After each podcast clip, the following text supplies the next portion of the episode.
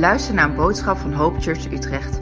Als je meer over ons wilt weten, ga dan naar www.hopechurchutrecht.nl.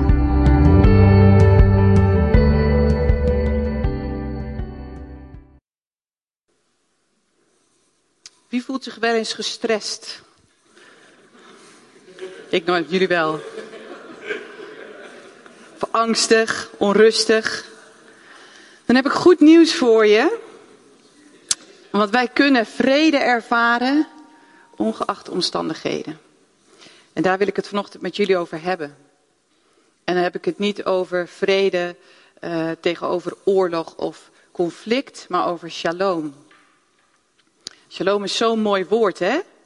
Het betekent innerlijke voldoening, uh, compleet zijn, het volle leven, de vrede die Jezus voor ons heeft. De vrede waar Jezus veel over spreekt in zijn woord.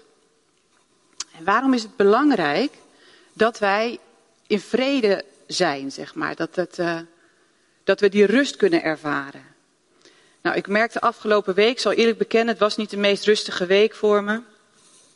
En uh, toen dacht ik, man, als je geen vrede hebt, dan kun je heel weinig.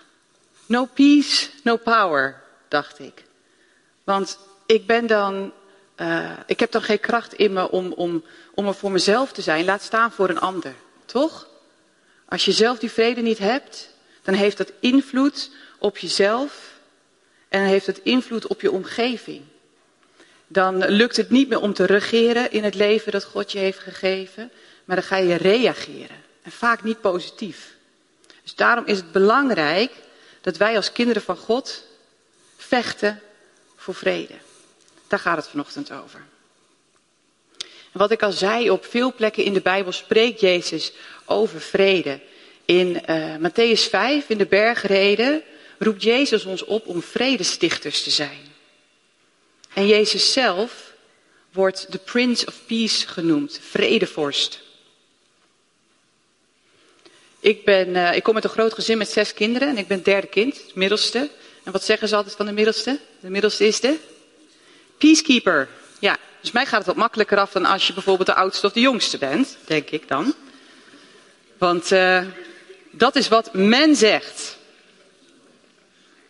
Ik wil met jullie lezen Johannes 14, vers 27.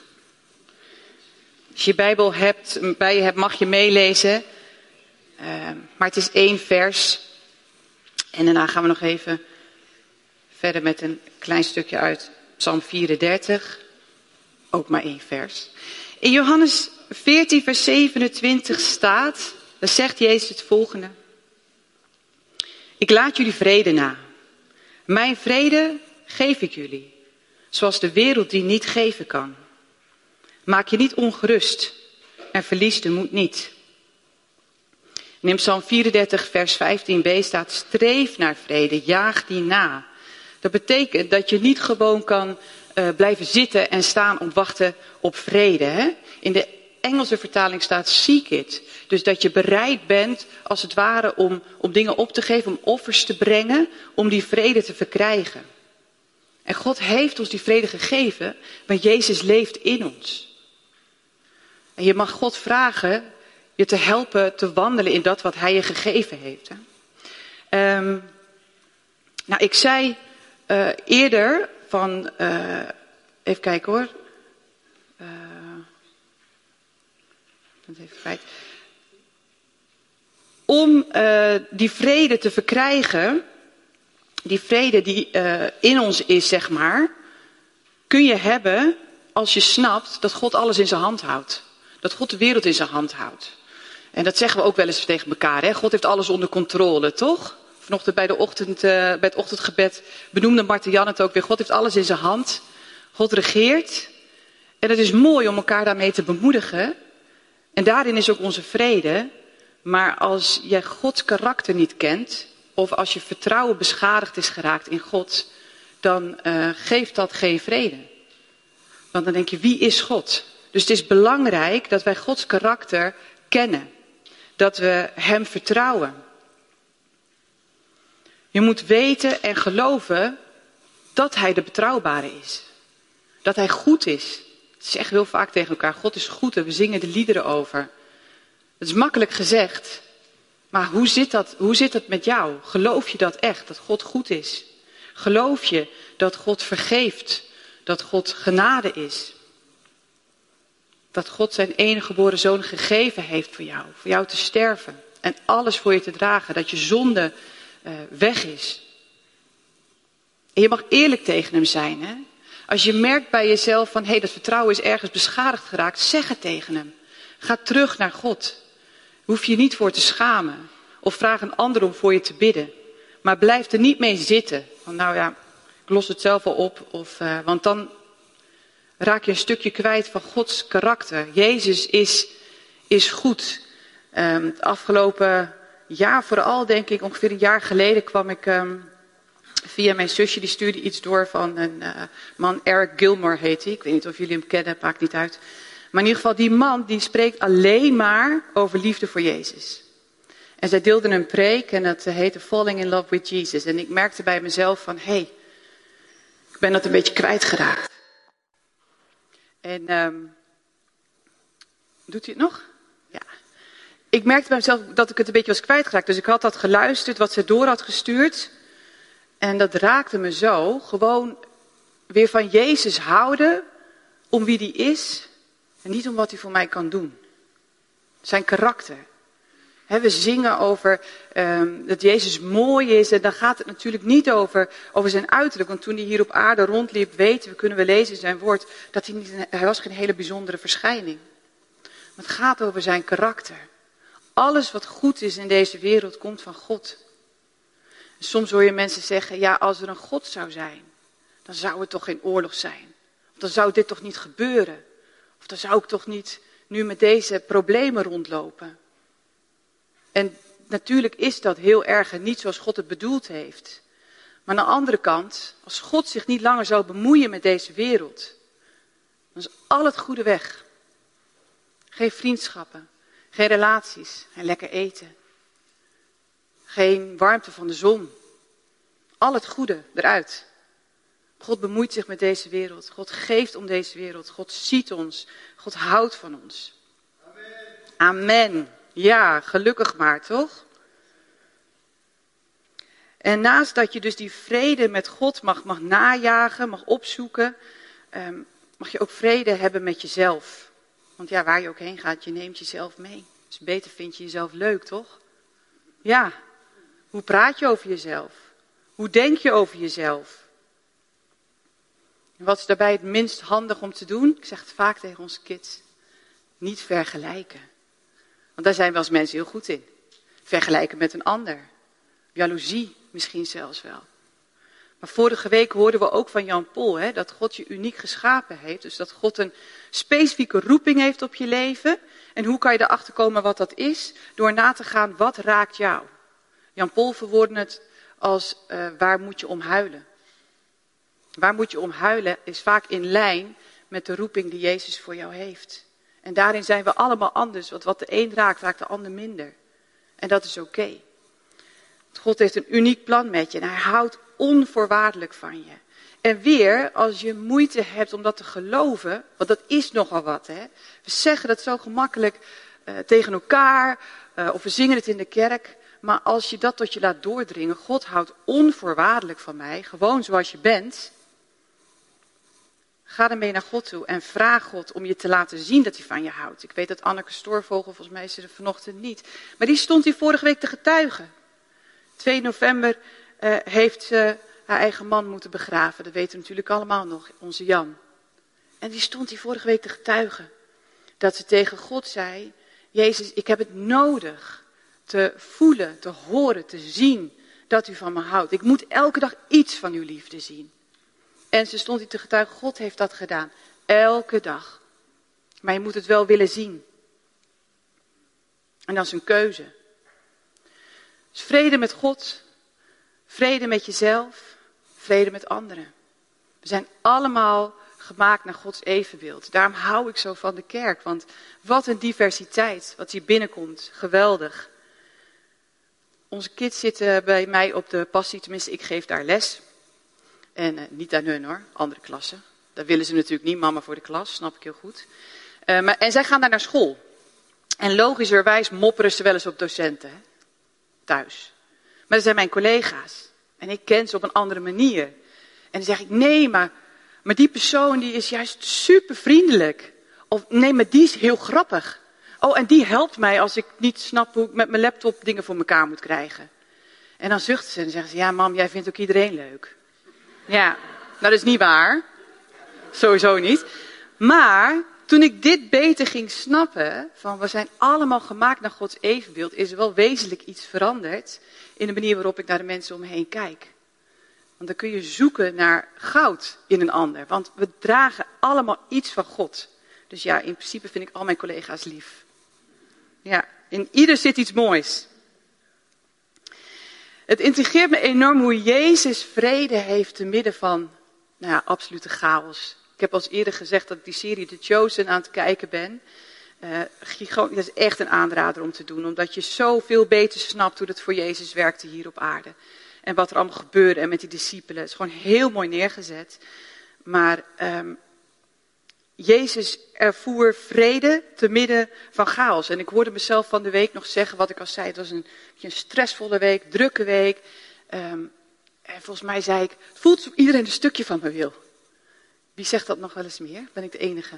Ik zeg trouwens niet zo vaak, maar ik zei het van de week. Ja, dan kom je op een punt dat je denkt, ja dag, ik ga onder de dekens liggen, bekijk het allemaal maar. Ja, nou, daar kwam ik. Ja. Um, Jezus had pas reden om dat te zeggen. Want iedereen wilde een stuk van hem, toch? Denk aan het verhaal van die vrouw die twaalf jaar bloedde. En die hem van achter aanraakte. En Jezus merkt dat op. En de discipelen zijn stom verbaasd. Hoe kan dat nou? Lopen zoveel mensen en iedereen loopt te dringen. Ik kan me voorstellen dat het bijna bedreigend voelt. Hè? Dat iedereen inderdaad letterlijk iets van je wil. En dat het zo druk is om je heen. Dat het onmogelijk is te merken wie jou aanraakt. Dat betekent dat het, nou, het was geen anderhalf meter afstand, zeg maar. Toch? En Jezus merkte het op. En dat verhaal van uh, dat, ze, dat ze met dat schip, zeg maar, in die storm, weet je wel, met de discipelen. En wat doet Jezus? Jezus ligt te slapen. Ja, over vrede gesproken. En die discipelen beginnen te mopperen en die zeggen van, hè, heeft hij dan niet door dat we vergaan? Hallo? Dikke storm hier, Jezus ligt te slapen en ze maken Jezus wakker.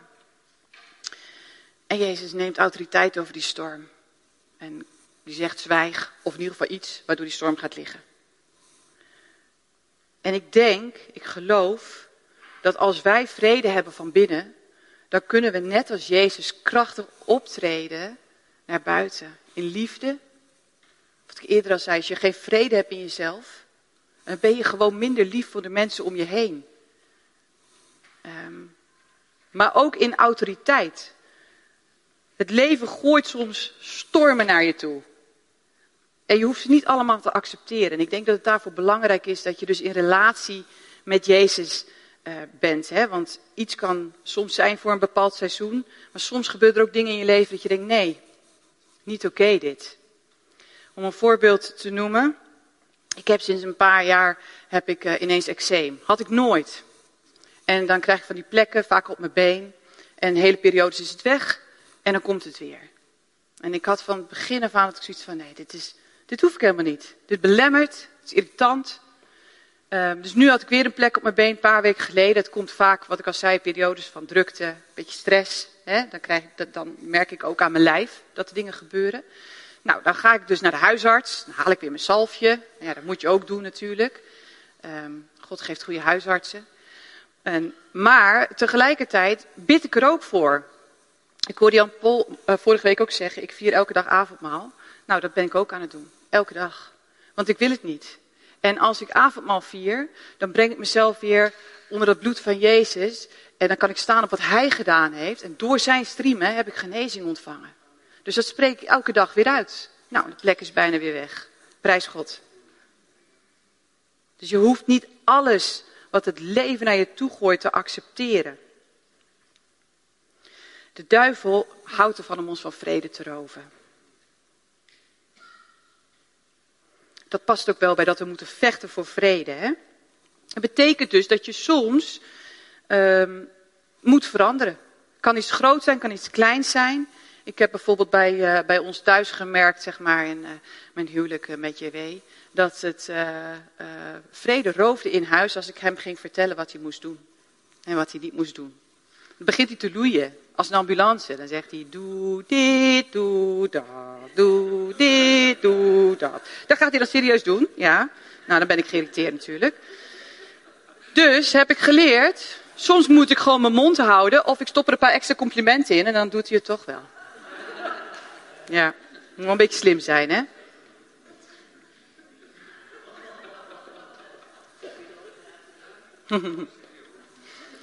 ja, ja, ja. Je zorgen maken, hoorde ik van de week, dacht dat is een leuke, is als zitten in een schommelstoel. Je beweegt de hele tijd, maar je komt nergens. En um, een tijd geleden hoorde ik een podcast, ging hier ook weer over. En toen dacht ik, nou ben ik er klaar mee. Ik wil gewoon geen minuut van mijn leven meer verspillen. Van mijn kostbare tijd aan zorgen maken. En dat bedoel ik niet dat je zodra de gevoelens, emoties, zorgen naar boven komen, dat je dat gelijk wegduwt. Want dat is uh, niet gezond. Je hebt gevoelens, je hebt emoties, je hebt zorgen. Dat is oké. Maar wat doe je er vervolgens mee? Dus die tekst uit Filippenzen 4, waar staat, wees niet bezorgd, maar vertel God wat je nodig hebt. Dank Hem in al je gebeden. En dan de belofte, dan zal de vrede van God die alle verstand te boven gaat, over je hart en gedachten waken. Je hart en gedachten in Christus Jezus bewaren. Nou, dat werd een van mijn lijfspreuken. Snappen we dat het niet Gods wil voor ons is dat we gestrest door het leven gaan? Of als je merkt dat je je zorgen maakt, verander je zorg in een gebed. Pas op met wat je uitspreekt steeds. Woorden hebben macht, wisten jullie dat? Macht om te creëren. God creëerde. God sprak en het was er. Lezen we in Genesis. Maar we lezen ook, kan je zelf wel eens nalezen in de korte brief Jacobus, dat onze tong is maar een klein lichaamsdeel maar wat een macht zit er in dat wat we uitspreken. Jacobus vergelijkt het als een klein vuurtje dat kan leiden tot een enorme bosbrand bijvoorbeeld. In spreuken staat, met onze woorden hebben we de macht om uh, te zegenen en te vervloeken. Om op te bouwen en om af te breken. Dus als je dagelijks zegt, ik ben zo moe, dan moet je dat misschien veranderen in een gebed. Dank u Heer dat u zegt in uw woord dat ik naar u toe mag komen als ik me vermoeid of belast voel. En dat u mij rust en vrede belooft. Ga staan op die belofte. Jezus zegt, neem mijn juk op je en leer van mij. Want mijn juk is zacht en mijn last is licht. Of als je inderdaad ziekte hebt, vier avondmaal. Je hoeft niet te wachten tot het, dat één keer per maand hier in de gemeente doen. Dat kan je ook gewoon thuis doen of in je hoopgroep met anderen of alleen. Zodat je jezelf er weer aan herinnert. Door uw streamen ben ik genezen. Of als iemand anders iets over je zegt wat niet klopt. Wat niet waar is of wat misschien zelfs wel lelijk is. Weet dan en maak het in een gebed richting God u bent degene die mij verdedigt. You are my defense and my vindicator. U bent degene die mij verdedigt en die mij rechtvaardigt. Soms moeten we ervoor kiezen om het aan God te geven en even daar te laten. In plaats van er gelijk bovenop te duiken of met anderen te delen wat die ander wel niet gezegd heeft. Ja, de duivel vindt het prachtig als we dat doen, maar je krijgt er echt geen vrede van. En je loopt God voor de voeten. Misschien had hij wel een veel betere oplossing voor je. Ja, nou, fijn dat Leen het er mee eens is. Goed ze Leen het. Heerlijk. Je kunt de duivel geen grotere optater geven dan kalm te blijven en in de vrede te blijven als je alle reden hebt om te flippen. Als we een probleem hebben, willen we het liefst zo snel mogelijk oplossen. We willen graag doen. En dat is niet per definitie verkeerd, hè? want soms moet je iets doen. Maar weer in relatie met, met Jezus, want je moet wel weten wat je doet wat je moet doen voordat je het gaat doen. Geef God die ruimte en de mogelijkheid om je te leiden. Hij heeft er recht op, want Jezus heeft voor ons betaald met zijn kostbaar bloed. Zijn vers uit Galaten 2 vers 20, nog een lijfspreuk van mij. Ik leef niet meer, maar Christus leeft in mij. Mijn huidige aardse bestaan leid ik in geloof in de Zoon van God, die mij heeft liefgehad en zijn leven voor mij heeft gegeven. Als je gedoopt bent, dan ben je met Christus gestorven en met Hem weer opgestaan. Hij bepaalt. En Jezus legt dat niet als een juk op je, hè? van nou moet je lekker doen wat ik zeg, want Hij is de liefste en de beste. Dus beter kunnen we het niet treffen. Wat Jan Pol vorige week zei. God speelt geen rol in je leven. Hij is de, weet u het nog? Regisseur, goed zo. Hij is de regisseur, hij bepaalt. Het betekent wel dat ik keuzes aan hem voorleg. Dat ik elke ochtend zeg, als ik met Jezus ben, Heilige Geest, leid deze dag. Want hij bepaalt, niet ik. Het betekent dus ook dat je soms dingen moet doen waar je, eigenlijk niet zoveel zin in hebt. Misschien zit je hier vanochtend wel en had je uh, zin om in je bed te blijven liggen of iets anders te gaan doen. Ja? Nou, goed gedaan. Goed naar Jezus geluisterd. Want als je gaat vragen aan Jezus, moet naar de kerk? Zegt hij altijd ja. Ik heb het wel eens geprobeerd. Ja. Ik zou jullie eerlijk zeggen, ik had van de week geen zin om hier te staan preken. Maar ik wist wel dat Jezus zei, gaat maar doen. Ik heb zelfs in Willem een hele preek voor laten bereiden als backup. Ja. Heeft u ook heel liefdevol gedaan.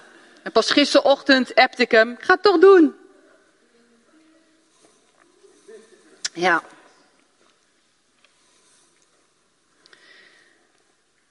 Je kunt de beslissing nemen om bewust vol vrede te zijn, ongeacht de omstandigheden. En het is oké als het fout gaat, maar kies voor dat volle leven dat Jezus wil geven.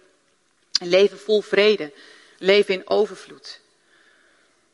Ook al veranderen omstandigheden niet gelijk. We weten niet wat er gaat gebeuren. Er kunnen ook dingen gebeuren in je leven die echt niet leuk zijn, echt niet oké zijn. Dingen kunnen veranderen. En daarom is het juist zo belangrijk dat je nu ervoor kiest om je de vrede niet te laten roven. daar wil ik even bij stilstaan, want vrederovers is voor ieder persoonlijk, denk ik. Denk er eens over na de komende week, wat zijn jouw vrederovers? Wat maakt dat je uit balans bent? Kan je dit zeggen, de duivel weet precies wat jouw vrederovers zijn. En die is de hele dag door bezig om jou uit balans te brengen. Ik zal een aantal van mijn vrederovers met jullie delen, om voorbeelden te geven. Als er iets met onze kinderen is, is een vrederover voor mij. Een paar maanden geleden, 17 september, dat weet ik nog goed, want Sifra was jarig. Was Annelien aan het volleyballen en kregen we een telefoontje dat haar knie uit de kom was. En uh, nou, Jan Willem erheen. Ik, ik, ik, was zelf druk met die verjaardag, maar het triggerde ook iets in mij, omdat ik dit vroeger in mijn puberteit ook gehad had. Dus uh, ik merkte ook dat gelijk een, een bepaalde angst kwam, zeg maar. Dus uh, gelukkig was Jan Willem thuis, dus ik stuurde Jan Willem. En de ambulance kwam, dus er werd goed voor haar gezorgd. En ik ging ondertussen boodschappen doen, want we hadden ook nog eens een huis vol met visite. En er zou nog meer visite komen voor de verjaardag van Sief. Dus ik naar de supermarkt. En ik liep rond als kip zonder kop, zo zeggen we dat toch? Dat je zegt, ja, nou, ik, wist niet goed meer wat ik moest halen en zo. En ik was echt, uh, ik was uit balans. En ik voelde dat Jezus tegen me zei, gewoon tussen de schappen daar, blijf even staan. Haal even gewoon diep adem. Richt je even op mij. Ik ben er, hè. Vrede is hier. En toen dacht ik, phew, Jezus is bij Annelien, Jezus is bij mij, het is oké. Nou, een ander meer, minder serieuze misschien. Ik hou ervan te weten wat er gaat gebeuren. Je wil hem niet. Als wij dus, eh, als de zomervakantie eraan komt, dan gaan we, houden we van kamperen. En Jan Willem, die wil het liefst gewoon in de auto stappen en dan zien we wel waar we uitkomen. Na twaalf uur rijden allemaal brak en dan gaan we nog lekker een camping zoeken. Dat is zijn idee, zeg maar. Nou, word ik niet rustig van. Dus dan moeten we een soort compromis sluiten iedere zomer. Als er iets kwijt is in huis. Ik ben moeder van drie tieners, hè. Er is nog wel eens iets kwijt. Dan ook nog een man. Dus dan gaat, mam, wat is dat? Nou, dan zijn zij gestopt met mam, bij zat, dan is het, Malinde! Heb je dit en dit gezien? Nou ja. Moeders hebben een uh, bepaalde gave, denk ik dan maar, van uh, God gekregen. en nodig ook. Een week geleden zaten we serieus met z'n vijf een half uur te zoeken naar de telefoon van een van onze kids. Stond natuurlijk uit, dus ik kon hem ook niet bellen. Dus ik begon op een gegeven moment uh, verwoed onze bank. Die bestaat uit, het is een hoekbank, bestaat van die stukken. Dus ik begon die bank uit elkaar te trekken. Nou, wat je allemaal aantreft daaronder, niet te vaak doen. En je Willems begon vanuit de keuken te tetteren van, doe niet zo overdreven. Wel? En ik zei, net hebben we op alle logische plekken al gehad. Nou, hij lag dus mooi wel onder die bank, want ze hadden hem nooit gevonden. Diezelfde avond, was echt moe, klaar, tijd om te gaan slapen. Komt er nog een kind. Ja, ik ben een formulier kwijt wat ik morgen in moet leveren. Weet je waar het formulier ligt? Nou, wij weer zoeken. Zegt dat lieve kind ook nog, misschien moeten we een schoonmaker nemen. Oké. Vrede uit de window, hè? Ja. En dan nog eentje. Haast. Wie van jullie haast zich wel eens om op tijd te komen ergens? We hebben natuurlijk zeven jaar in Indonesië gewoond zonder, nou, tijd bestaat daar niet, het is geen tijdscultuur. Je komt uh, wanneer je komt, dan zeggen ze gewoon uh, ergens uh, morgen in de toekomst, maar niet zo specifiek om acht uur s ochtends of wat ook. Nou, terug in Nederland moesten we natuurlijk enorm aan wennen. En um, ik merkte van de week dat ik heel hard naar school aan het fietsen was. En halverwege zweten, weet je wel, in je winterjas en zo. Ik dacht, wat ben ik nou aan het doen? Ik ben op tijd vertrokken. Ik, ik, ben, ik ben gewoon op tijd, maar toch haasten, omdat het een soort van automa automatisme is geworden om me haastig voor te bewegen. Hebben jullie gemerkt dat Jezus het heel druk had, maar nooit gehaast was? Dan denk ik, in die tijd was het ook wat makkelijker, want ze moesten overal naartoe wandelen en wandelen gaat gewoon niet zo snel. Toch? We hebben een fiets. Daar kan je heel hard op trappen, dat had Jezus niet. Maar Jezus had die rust, hè? zelfs toen zijn beste vriend Lazarus op sterven lag, heeft het, was hij er pas na twee dagen. Heeft hij er twee dagen over gedaan. Hoe bewaar je nou die vrede? Even weer terug op dat vers van wat Jezus zegt, kom tot mij als je vermoeid en belast bent en ik zal je rust geven. En dan zegt hij, neem mijn juk op je en leer van mij. Dus hoe bewaren we die vrede? Door te kijken naar Jezus. Door te leren van Hem. Weet u nog dat we vorig jaar voor Pasen hebben toch die actie gedaan met, um, uh, van John Mark Comer was dat, met dat versimpelen en vertragen. Gingen we allemaal ons huis opruimen en, en zooi die we niet nodig hadden verkopen op de kleedjesmarkt. En niet alleen zooi, ook mooie spullen. Dat hebben we vorig jaar gedaan, toch? Nou, John Mark Comer die noemt dus vier punten voor Jezus rust. En als het goed is, als je er vorig jaar aan, mee, aan meegedaan hebt, uh, gaat er iets uh, rinkelen in je brein van, oh ja, dat was het ook alweer. Het eerste wat hij noemt is vier punten, wil ik graag kort even benoemen om mee af te sluiten. Stilte en afzondering. Jezus trok zich terug. We lezen in Gods woord dat Jezus er regelmatig voor koos om ochtends vroeg, zij stond vroeg op. En we weten allemaal dat het niet makkelijk is om vroeg op te staan, toch? Ik weet dat wel. Als die wekker gaat, is nooit leuk. Jezus stond vroeg op om één op één te zijn met de Vader. Hij had het nodig. Als Jezus het nodig had, hebben wij het ook nodig.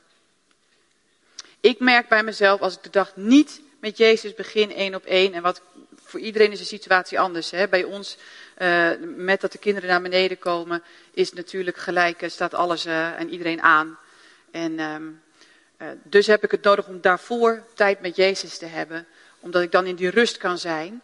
En ook daarin moest ik leren van niet gelijk doen, niet gelijk Bijbel lezen, want het, het Bijbel lezen in zichzelf is natuurlijk hartstikke goed. En bidden, maar ook zelfs in onze tijd met Jezus moet je maar opletten hoe snel we schieten in, in doen, doen, doen. In plaats van gedaan, gedaan, gedaan door Jezus. En daar te landen en te rusten. En gewoon aanbiddingsmuziekje aan, kaarsje aan. Het is nog donker buiten, uh, dus dat uh, kan dan prima. En gewoon zijn, gewoon liefde van God horen. Hem Psalm 143, vers 8 staat, laat mij in de morgen uw liefde horen. In u stel ik mijn vertrouwen. Wijs mij de weg die ik gaan moet. Mijn ziel verlangt naar u. Laat me in de morgen uw liefde horen. Er is iets speciaals met ochtenden. En de dag met God beginnen.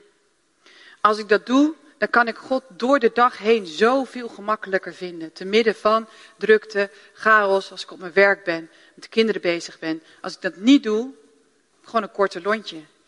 Dus iets van die vrede weg. En ik denk zeker in deze tijd waarin we uh, leven met onze telefoon, is het gewoon ongelooflijk belangrijk om er bewust voor te kiezen. Om soms niks te doen, voor je uit te staren. Sabbat als tweede. Sabbat betekent stoppen. We hebben het nodig om te stoppen met dat wat we altijd doen. Vroeger, ehm, dus op de zondag, in mijn herinnering was de zondag echt een dag waarop je uh, van alles moest en niet mocht. Niks mocht. Ik moest twee keer naar de kerk. Ik kwam uit de traditionele kerk. We moesten twee keer naar de kerk. En we mochten heel weinig. Um, dus ik heb lange tijd een aversie gehad tegen het idee van het houden van een rustdag. Totdat ik ontdekte dat het van God komt. God rusten. En ik heb het nodig om één dag in de week niet te creëren, maar te genieten van dat wat is. En dat is best een uitdaging. Dus ook niet in mijn hoofd weer dingen bedenken, hè, zoals wij mensen gewired zijn, tenminste. Die willen ben ik enorm. Van weer, oh, kunnen ook dit, kunnen ook dat. Maar gewoon rusten en genieten van dat wat is. Wij proberen als gezin, uh, hebben we een, uh, ja, ik weet dat, we doen het alweer een behoorlijke tijd, toch? Digitale sabbat. Geen telefoon 24 uur lang. Zaterdag 5 uur tot zondag 5 uur. Ja, is even wennen, maar het is heerlijk. En het, is, uh, het maakt gewoon dat je elkaar gemakkelijker vindt als gezin. Dat je gemakkelijker activiteiten gaat ondernemen die je door de week niet zou doen. Even samen een spelletje bijvoorbeeld. Um, dus je moet er wel keuzes voor maken. Op zaterdag probeer ik na te denken alvast, wat gaan we zondag eten, zodat ik zondag een keertje niet naar die supermarkt hoef. En uh, we proberen ons huis altijd uh, zondags klaar te maken. De grap is dat ik het vroeger dus verschrikkelijk vond. En nu vind ik het heerlijk. Ja, dan gaan we stofzuigen, dweilen en zo. Doen we anders ook wel eens hoor. Maar... Ja. Um, dus we hebben stilte en afzondering, sabbat als derde het vertragen. Ik noemde net al, Jezus wandelde, dus dan, dan ga je automatisch langzamer. Je Willem en ik wandelen het Pieterpad. Bij welke etappe zijn we nu weer? Ja goed, nogmaals, drie kinderen, dus we kunnen natuurlijk niet zo hard lopen als bijvoorbeeld een Jefta en Marijke doen. Die lopen binnen een paar weken, hoeveel kilometer was het? Afgelopen zomer? 800. Nou, nou ja, dat kan ook. Dat doen we niet. Um, ja, precies. Heel goed. Wie weet, ooit inderdaad. Uh, ik zie dat Renske er niet meer is, maar ik wilde Renske even als voorbeeld gebruiken, want ik moest daaraan denken bij het vertragen. Renske en ik gaan in december uh, ieder jaar met nog, een, met nog andere vriendinnen, een groep van tien vriendinnen, gaan we naar Ameland. En dan doen we mee aan de Adventure Run. En iedereen loopt een andere afstand, maar Renske is een echte bikkel, die rent 21 kilometer. Ja? En dan gaat dus ook over het strand en door de duinen en alles. En als je denkt, wow, dat is echt ver. Het wordt nog gekker. Alle Terenske zijn momenteel aan het trainen voor een marathon samen. Ja? Uh, dus als je, daar mag je haar op, aanspreken. Maar het voorbeeld dat ik wilde uh, gebruiken. Zij was die 21 kilometer uh, aan het lopen. En wij haar aanmoedigen natuurlijk, de meiden die al klaar waren. En ehm, ze zei achteraf, ik zei, wat vond je nou het zwaarst? En het zwaarste was dat er in die 21 kilometer twee keer zo'n enorme loop, dat je mensen aan de overkant ziet lopen. En dat je denkt, ja, maar als ik hier nu even door het weiland ga, dan ben ik er. Weet je wel? En uh, dat dat even, die verleiding even in je opkomt. Maar dat je weet, ik moet die hele loop maken. En ik moet elke meter gaan. En ze zegt, dat gebeurde twee keer en dat vond ze het zwaarst. En toen dacht ik, werkt het zo ook niet in ons leven? Dat als we in moeite zitten, moeilijkheden hebben of hebben pijn. En geloof me, hardlopen doet pijn soms, ik weet het ook. Dat je zoekt naar shortcuts. Dat je zoekt naar hoe kan ik dit proces versnellen? Hoe kan ik stukje afsnijden? Maar je moet elke meter gaan samen met Jezus. En als laatste, versimpelen. Eenvoud. We leven, dat weten jullie, in een maatschappij die ons constant probeert te verleiden om meer te consumeren. En dat in zichzelf is niet erg. Hè? Ik hou er ook van om uh, af en toe iets nieuws aan te schaffen, hoewel wij vooral van uh, marktplaats en tweedehands zijn hoor. Maar uh, ik vond het wel, toen we dat vorig jaar deden uh, voor Pasen, interessant om te lezen dat wat je aanschaft, kost in principe tijd. Want uh, je trekt een heel blik open. Stel voor je wil gaan uh, wielrennen, je had een wielrenfiets. Dan moet je ook gaan wielrennen. Je moet het ding onderhouden. Je moet er tijd en geld in stoppen. En dat is dus hartstikke fantastisch. Maar bedenk bij alles wat je aanschaft, is dat voor dit seizoen? Is dat voor nu? Of moet ik er even mee wachten? We zijn beperkt, want we hebben slaap nodig. We hebben eten nodig. We moeten werken, anders hebben we geen inkomen. Of naar school.